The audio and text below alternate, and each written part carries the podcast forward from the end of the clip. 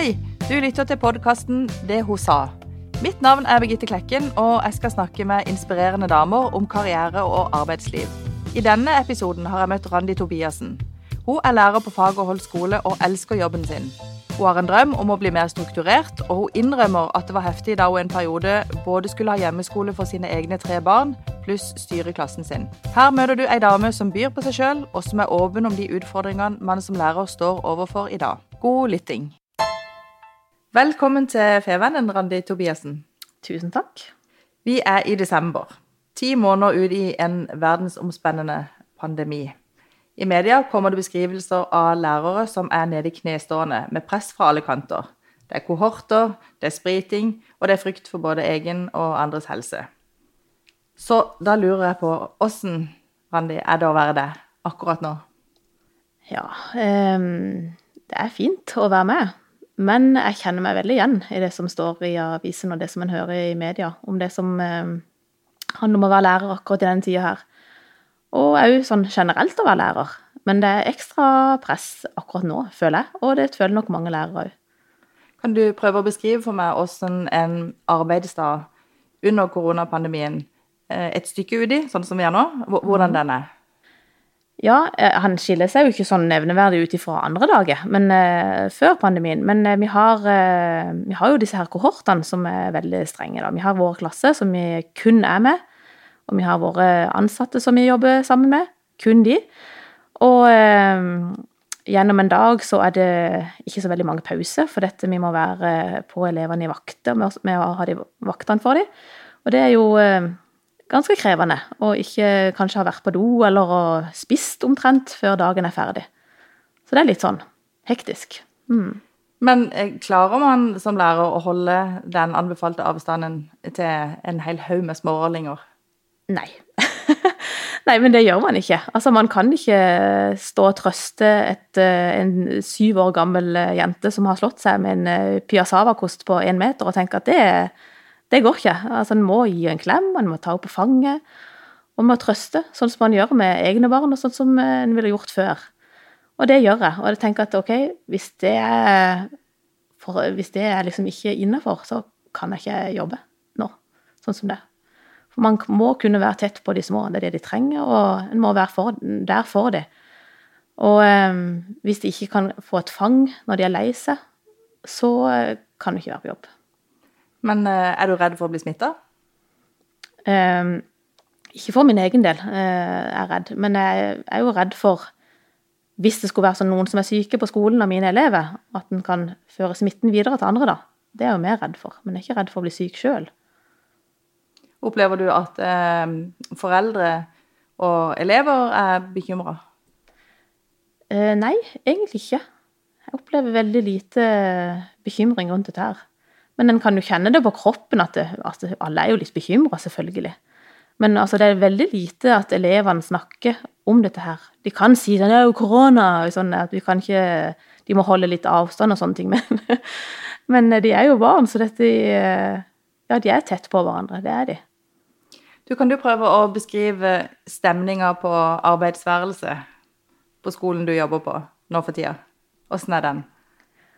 Eh, ja eh, Det er litt sånn at når vi er ferdig altså vi jobber jo, Jeg jobber jo på andre trinn, så da når vi er ferdig med dagen, så er det gjerne sånn at er, luften går litt ut av ballongen. Da. At eh, da er en ferdig med elevene, og en tenker at oh, nå kan en endelig få en pause, og så sitte og prate litt. Men så blir det jo til at en prater videre om elevene, hvordan de har hatt det den dagen, og hva som gikk bra, og hva som ikke gikk bra, og sånne ting. Og ja, det blir ikke så mye Jeg savner litt den der uh, galskapen, hvis en kan kalle det det, da, og humoren som uh, en hadde med flere kolleger sånn før.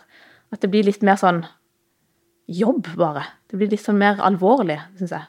Så stemninga den er litt mer alvorlig nå ja. enn det den pleier å være ja. mm. til vanlig? Mm. Mm. Eh, du sa at du kjente igjen den diskusjonen som har foregått i media om hvor mm. krevende det er for læreren. Kan, mm. kan, du si hva det er du kjenner igjen?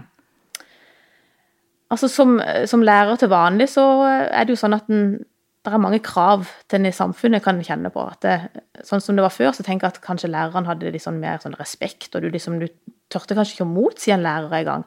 Men nå er det jo sånn at eh, foreldre er jo ikke redde for det, å motsi en eller komme med kritikk, og, og, det må de jo få lov til. Men, eh, men det er ganske, jeg syns det er ganske tøft å stå i, da. At, eh, ja, det kravet som samfunnet, som politikere har til oss, og det er foreldre, og liksom føler at en skal ha en skal, ja, en har eh, så mange ting som en liksom skal tilfredsstille, eller mange skal tilfredsstille. da. Men, men, dette er krav og problemstillinger som egentlig ikke har noen ting med pandemien å gjøre? Dette er ting Nei. som dere har kjent har vokst frem ja. gjennom mm. lengre tid. Ja. ikke sant? Og så er denne her pandemien i tillegg, da. Altså, det skal liksom ikke Jeg kjenner sjøl at det skal kanskje ikke så mye til å liksom tippe den, da, for dette Ja, en har mye på jobb, og så når dette her kommer i tillegg, og en har pressa dager der en kanskje ikke har pause omtrent, ikke vel, så da blir man jo trøtt. Du, du nevnte foreldrene mm. eh, inni det her. For det er jo klart, du skal ikke bare deg, forholde deg til elever, du skal også forholde deg til foreldre. Ja. Er foreldre òg blitt litt mer kravstore? Ja Jeg tenker jo det, ja. Ja. ja. Åssen er, en, er en irriterende forelder? er du redd for at du er det? det kan være det. Ja. Eh, nei, hvis det Ja, da blir du kanskje litt sånn personlig, men hvis det Hvis du aldri har møtt noen, nesten, som av foreldrene, og så får du en sinna mail på et eller annet, da kjenner jeg at det, det liker jeg ikke. Jeg vil gjerne hatt en dialog med foreldrene der en kanskje har snakka om sånn hverdagslige ting som skjer på skolen, at en liksom har møtt iallfall. Hvis en bare får en sur mail, så blir jeg litt sånn åh, ja, jeg vet ikke, jeg syns det er kjipt. Mm. Men, men, hvis du føler da at du har stått på og virkelig gjort en mm. innsats for dette barnet, hvordan klarer du på en måte å dra deg opp igjen da, og på en måte møte blid og fornøyd på skolen igjen ja. neste dag, eller møte dette barnet på en sånn hyggelig måte som kanskje har eh, sagt noe kjipt om det, eller Ja. Eh, nei, som regel så har jeg ikke noe problem med å møte barna. Det har jeg ikke. Men jeg kan synes det er vanskeligere å møte foreldre, faktisk. Mm. Mm. For jeg tenker barna eh, de er ærlige med meg, og de, eh, de, de takler ofte at de er forskjellige og ja, de har sin måte å være på. Men det er verre med foreldrene? Ja, det syns jeg faktisk. De er voksne nå. ja. ja. Foreldremøter, da. Mm. Hvordan syns du det er? Ja, eh, det er veldig koselig å treffe foreldrene. Det er det. Mm. Eh, men jeg syns det, er ikke liksom favoritten, det heller. Jeg, syns det er mye gøyere å stå foran elevene og prate med de enn å stå med foreldrene. Eh, men det er jo liksom noe en må gjøre, og det, det er et fint møte mellom eh, lærerne og foreldrene. Det er det. Du er litt nysgjerrig på hva det var som gjorde at du valgte læreryrket? Kanskje litt sånn dårlig fantasi.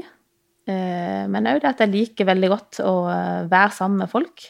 Syns det er veldig spennende å kunne gjøre en forskjell for noen, da.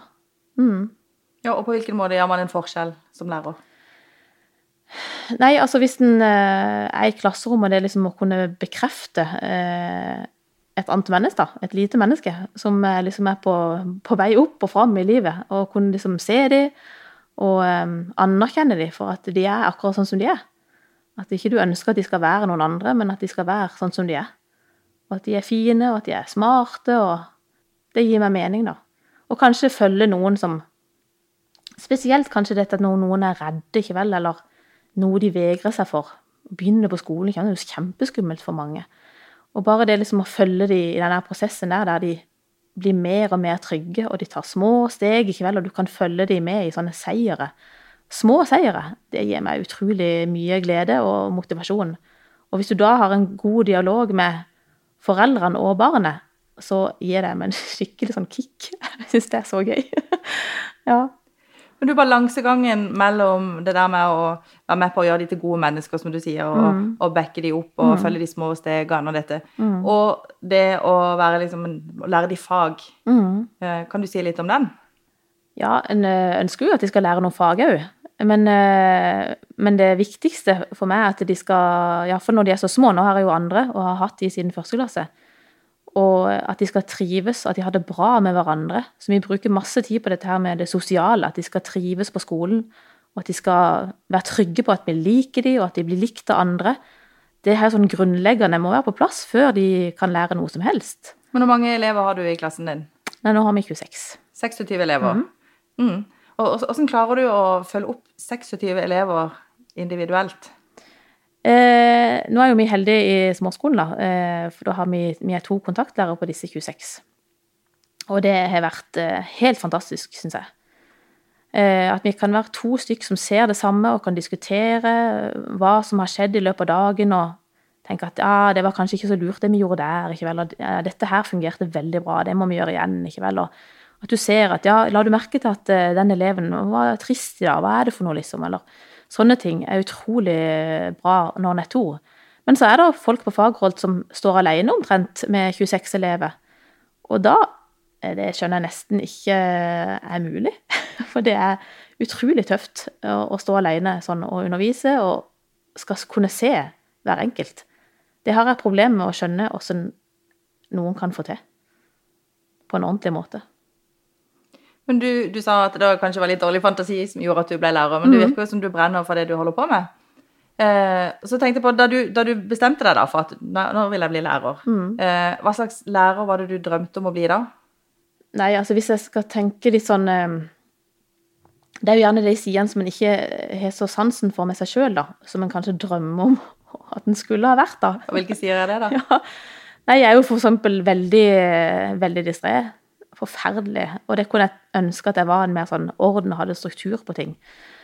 Og eh, når en tenker at en skal være en dyktig lærer, så tenker jeg yes, da skal en liksom være sånn, ha kontroll på ting. og liksom At en skal brenne for noe. At en får en sånn teori om at yes, dette fungerer, og så utfører en det ikke vel.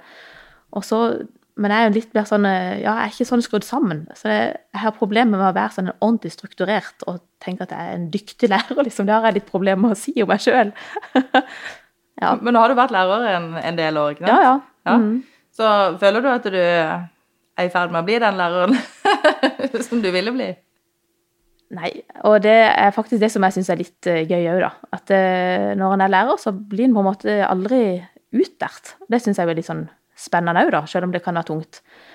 Så tenk at uh, av og til så er misunner de som er snekker, eller de som er At de utfører, liksom. De lager et hus ferdig, det ble fint, liksom. Lista og malt, alt var helt perfekt, i kveld. Mens vi har mye mer sånn diffuse ting å måle etter. Altså, hva er det egentlig vi måler her? Altså, det er vanskelig å se Er det egentlig meg som har lært de å lese, eller er det egentlig foreldrene som har lært de å lese? Det er liksom litt sånn vanskelig, det er mer sånn svevende å, vite hva de egentlig har lært. Iallfall med de små, fordi vi kartlegger det jo ikke så mye sånn når de er små. Så akkurat det der ja, det er liksom ikke så målbart. Og når en kommer hjem etter en arbeidsdag, så er det ikke sånn at ja, i dag har jeg satt opp en vegg. Det er veldig synlig.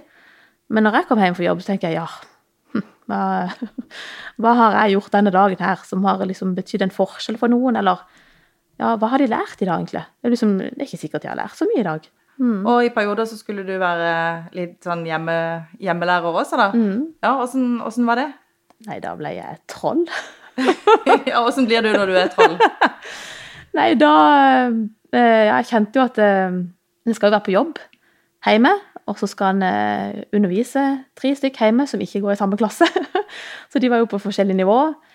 Og de skulle gjerne gjøre leksene samtidig, ikke vel? eller prøve å samkjøre det litt. At de var, gjorde litt sånn jobben samtidig. Og det er liksom 'Mamma, jeg trenger hjelp!' ikke vel? Og så skal du være tre forskjellige steder helt samtidig, og så skal du være på jobb òg samtidig, gjerne. Og da kjente jeg at dette eh, går ikke. Og så var kanskje mannen hjemme på toppen av det hele. og så var vi alle der i samme hus, og jeg kjente at eh, åh, alle gikk med på nervene. Så jeg var sånn, De fem første dagene var jeg ute og jogga hver dag. Jeg må ut, jeg må vekk fra galskapen og liksom komme hjem som eh, noe bedre enn eh, det jeg gikk ut som. da. Og, og eh, når den første uka var gått, den søndagen, så tenkte jeg dette går ikke. Altså, Jeg kan ikke være sånn. Så da måtte jeg liksom bare starte på nytt, og så OK, nå på mandag, så, så skal jeg bli bedre. Men hvordan syns du um, at det virka inn på elevene dine? Mm. Uh, at de heller ikke kunne gå på skolen, at de måtte mm. være hjemme. Og jeg regner med at med så mange elever så er det mange forskjellige, uh, mange forskjellige hjemmesituasjoner. Mm. Uh, ja, altså mange foreldre imponerte jo veldig i den tida. Men ble ikke forskjellen veldig stor mellom de hjemmene der det er foreldre som er til stede og kan eh, stille opp aktivt, og der hvor det ikke er um, de samme ressursene, kanskje? Jo, det vil jeg tro. Og kanskje du vil se det enda mer eh, høyere opp eh, på klassetrinnene. At det vil være mer synlig da, enn for våre. Men sånn generelt så syns jeg ikke det var sånn kjempestor forskjell på hvem som fulgte opp, og hvem som ikke fulgte opp. Liksom. Det, Syns du egentlig det gikk ganske greit? Ja, det syns jeg. Mange, impon- mange imponerte egentlig i den tida der. Og det virka som eh, ungene var fornøyde. Altså, noen har det jo faktisk bedre hjemme enn det de har det på skolen, tror jeg. Mm. Du sa i stad at det var en ting som skjedde. Eh, Det var at du ble litt et troll, sa du. og så tenkte jeg tilbake på min egen skoletid med lærere som av og til mista besinnelsen, hvor det ble knukket pekestokker og revestykker, i stykker skolebøker. Eh, Hva, hva skjer hvis du blir skikkelig hvis du blir skikkelig sinna på skolen? For det blir man vel av og til. Ja, jeg tror jeg egentlig var eh, dårligere på akkurat det før. Jeg kunne bli sint på skolen òg, men det er eh, sjeldent at jeg blir det nå. Og, og de gangene jeg blir sint, da, det er gjerne hvis jeg vet at eh, jeg har, gjøre, jeg har å gjøre med en veldig altså, flink i anførselstegn elev. En elev som kanskje mestrer alt det faglige, og du vet at det, dette er en smarting, og likevel så driver han og tuller seg. Da kjenner jeg at jeg har null ja, da, Det liker jeg ikke, altså. Da kjenner jeg at det skal ikke mye til før jeg blir sint. Og da må jeg ofte be om unnskyldning og si at dette Ja, unnskyld, jeg mente ikke å bli så sint på det. Og så prøver jeg å forklare det, da. Du er så positiv på skolen og kan så mye. Hvorfor trenger du å gjøre de dumme tingene som du gjorde nå? Og så eh, får vi jo en god dialog på det, og så tenker jeg at eh, ja, jeg gjør av og til noen ting som er feil, og det er greit, og jeg prøver å ikke, jeg prøver å ikke bli sint, men det er ikke alltid jeg klarer det heller. Du, Man snakker gjerne om, sånn, om lærergjerningen eller lærerkallet. um, har, du følt på, har du følt på det? Er det et kall å være lærer? Og, og er det en, et yrke som skiller seg veldig ut fra andre yrker i så måte? Jeg tenker iallfall at eh, det er et yrke sånn som kanskje å være sykepleier, og der du har eh, Der du jobber med folk, da. Altså jeg tenker at eh, jeg aldri har blitt lærer fordi at jeg tenker at jeg skal bli så rik på det, da. At det er ikke liksom det å håve inn så mye, men det er, du håver inn på andre områder, da. Altså jeg tenker det, det gir veldig mye. Kanskje ikke materielt, men det gir veldig mye på andre plan, da. Er det noen eh, historier eller noen ting som har gjort spesielt inntrykk på deg i de årene du har jobba som lærer, der du har vært med på å, virkelig gjøre en endring i noens liv? kanskje ikke følt at jeg har gjort en endring i noens liv, men jeg har eh, ofte vært litt sånn Jeg blir jo lei meg på elevenes vegne når jeg vet de ikke har det bra hjemme, f.eks. Og så er kanskje barnevernet inne i bildet, og så tenker jeg at eh, hvis dette hadde skjedd med mitt barn, da, så hadde det vært helt forferdelig. Og så sier barnevernet kanskje at ja, men allikevel så er det godt nok. Og det syns jeg er litt sånn frustrerende, da. At eh, en prøver å gi eh, barna så mye omsorg og kjærlighet som en bare kan på skolen, men så vet en at OK, jeg aner ikke hva som skjer hjemme hos dem. Og så sier barnevernet at eh, ja, men allikevel så er det godt nok, da.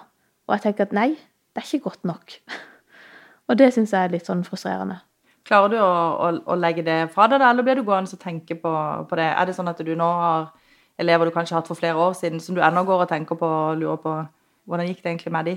Eh, det kan jeg ta med meg hjem og tenke på, og ta med meg i flere år etterpå òg.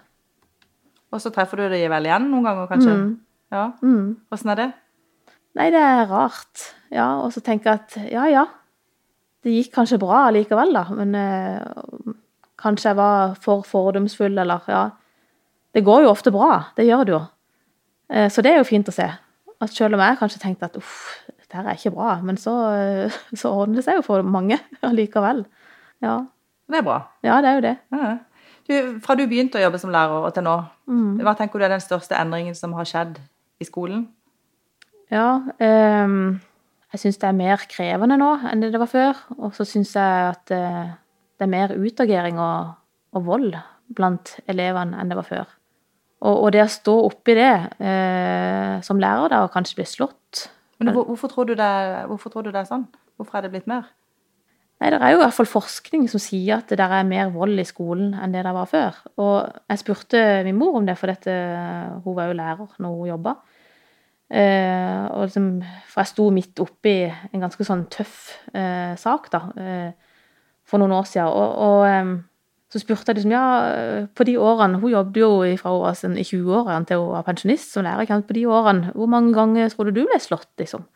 Jeg sa nei, jeg tror ikke det skjedde, liksom. Hun kunne ikke huske det. Hun måtte tenke liksom, liksom ja ja, kanskje det var én gang eller noe. Og da sto jeg midt oppi det. Kanskje, kanskje, kanskje ikke jeg ble slått hver dag, men du ble slått kanskje ukentlig. ikke vel? Du står midt oppi det. Og så Det det gjør med deg som menneske, det der med å bli slått av noen, uansett om det er et barn som ikke slår så hardt, så er det utrolig krevende. Og du mister liksom Jeg vet ikke, du skal ha veldig eh, gode ledere som er på jobb og kan backe deg opp. For du mister de Jeg kjente sjøl at jeg mista litt sånn trua på meg sjøl, midt oppi det. Og så da tenker jeg jo liksom de som står oppi dette her hjemme, kanskje, privat, og opplever og fysisk og psykisk vold da, i hjemmet. Det må være helt forferdelig. Og det tenker jeg at det hadde jeg egentlig godt av kjenne litt på. Du lærte egentlig noe av det Ja. som du kanskje kan bruke i, Ja. i skolen? Mm. Mm. Men, men eh, du tror det har blitt mer? Men, Ja. du, men, men hvorfor? Nei eh, En kan ha noen tanker om, om hvorfor. Jeg tenker at eh, dette med at, at foreldre skal være eh, vennene til barna sine. At de kanskje ikke At det ikke settes nok grenser hjemme? Ja. Er det det du Mm, tenker? ja. Mm. Og at når, vi, når de, det barnet da kommer på skolen, og det faktisk er mange grenser, det er utrolig mange grenser som de må forholde seg til, mange regler som de må forholde seg til på skolen, så blir det utrolig vanskelig for noen. Fordi de er ikke vant til å, å bli satt grenser for hjemme. Men når du opplever en sånn situasjon Nå hadde du eh, en forelder du kunne spørre, altså en, din egen, din egen Mm. mor som har jobba Mm. som lærer og hadde lang erfaring. Mm. Um, men, men hvilke andre steder får man hjelp som lærer deg til å håndtere sånne vanskelige situasjoner? Nei, altså, En kan jo være heldig å jobbe på en skole der en blir fulgt godt opp av, av rektor og inspektør, og sånne ting, og det er jo veldig trygt å ha med. Og kolleger gir jo mange råd. Og så blir jo gjerne PPT eller ABUP inne i bildet, og sånne ting, og barnevernet eventuelt. i kveld. Så en har jo, en får hjelp, men akkurat når en står oppi det, så er det jo sånn i, i skolen at det, ting tar så utrolig lang tid. Så du må liksom vente på hjelpa, og så går du og stamper der i uke etter uke. ikke vel? Og det kan være veldig det kan være veldig tøft. Ja, og så tenker jeg at Mange av de instansene som du nevnte der, de er jo først og fremst til stede for å hjelpe eleven. Mm. Eh, men det kan kanskje være situasjoner der du sjøl òg føler at du trenger å, å få noen råd, eller få bearbeida noe, eller Mm, ja. Da tenker jeg at en må, må få hjelp av sine kollegaer, da. Det kan jo ofte være en god hjelp. Og hvis en hadde trengt enda mer, så tror jeg ikke altså skolen hadde vært fremmed for det og gitt meg mer hjelp hvis jeg hadde trengt det sånn personlig. Da vi inviterte deg til å komme og være med i podkasten, så sendte du en melding. Og der skrev du at eh, jeg er ikke noen typisk karrierelærer som kurser andre, og som skråsikkert leder resten av kollegaene mine i den retningen som jeg mener er riktig. Jeg er på gulvet, jeg trives der, og jeg opplever jobben min som meningsfull. Mm. Ja, altså tenker kanskje eh, sånn, Sett utenfra, da, så tenker en liksom at eh, ok, hvis du er lærer og vil noe mer, da, hvis du skal klatre i karrierestigen, så blir du lærer, og så blir du kanskje instruktør, du tar noen sånn lederstudie, et eller annet, og så blir du rektor, og så avslutter du på topp, liksom. Men jeg har aldri hatt det i meg at det frister meg noen ting. Jeg syns det er gøy å kunne være med elevene og, og ikke måtte forholde meg til Excel-skjema og papiret. Jeg, jeg liker det ikke. Så da syns jeg det er fint å være der som en er. Og selvfølgelig så kan en ha tunge dager der en tenker at er det mulig? Jeg orker ikke å jobbe mer som lærer. Jeg har dette. Det kan jeg ofte tenke at dette yrket blir ikke jeg gammel i. Jeg kan ikke, jeg kan ikke, jeg orker ikke dette mer. Men så er det andre dager, andre uker, så tenker jeg jeg har den mest meningsfulle jobben som jeg kan tenke meg. Utrolig mye energi. og ja, at en får en god dialog med foreldre og ungene og sånne ting, og at en ser at yes, dette går veien. Utrolig meningsfylt. Det å være inspirert regner jeg med er viktig når du skal være en god lærer. Eh, Du skal få lov få 30 sekunder til å fremsnakke en person som eh, har vært viktig for deg i din lærergjerning. Først av alt var det jo forferdelig vanskelig å velge, eh, for jeg har jobba sammen med så utrolig mange dyktige, fine folk, og det gjør jeg nå òg. Men eh, når jeg jobba på Hånes, så jobba jeg sammen med ei som heter Toril Gilje. Hun var ei streng og myndig dame, og jeg følte meg nesten som en elev sjøl når jeg var i klasserommet med henne, for dette, hun, var, hun hadde så respekt eh, hos elevene, og så respekt hos meg òg, da. Men hun kunne sitt fag, og hun var så tydelig og så streng, men samtidig så hadde hun et stort hjerte for sine elever. Takk. Da gikk det 30 sekunder. Veldig bra. Og så eh, tenkte jeg at du til slutt skulle få lov til å gi noen gode råd til andre, om det er lærere eller elever eller andre i arbeidslivet. Men du skal få lov å dele litt basert på din arbeidserfaring. Ja. Eh, jeg tenker først av alt eh, så syns jeg det er viktig å ha humor i klasserommet. Og både sammen med elevene og òg sammen med de voksne som jobber sammen. Eh, og det har liksom hatt det gøy, og det har liksom en sånn, litt sånn tullete sjargong mellom eh, oss voksne som jobber, og de som kan tulle litt med elevene, det tror jeg skaper godt læringsmiljø for de små. Så det har jeg trua på.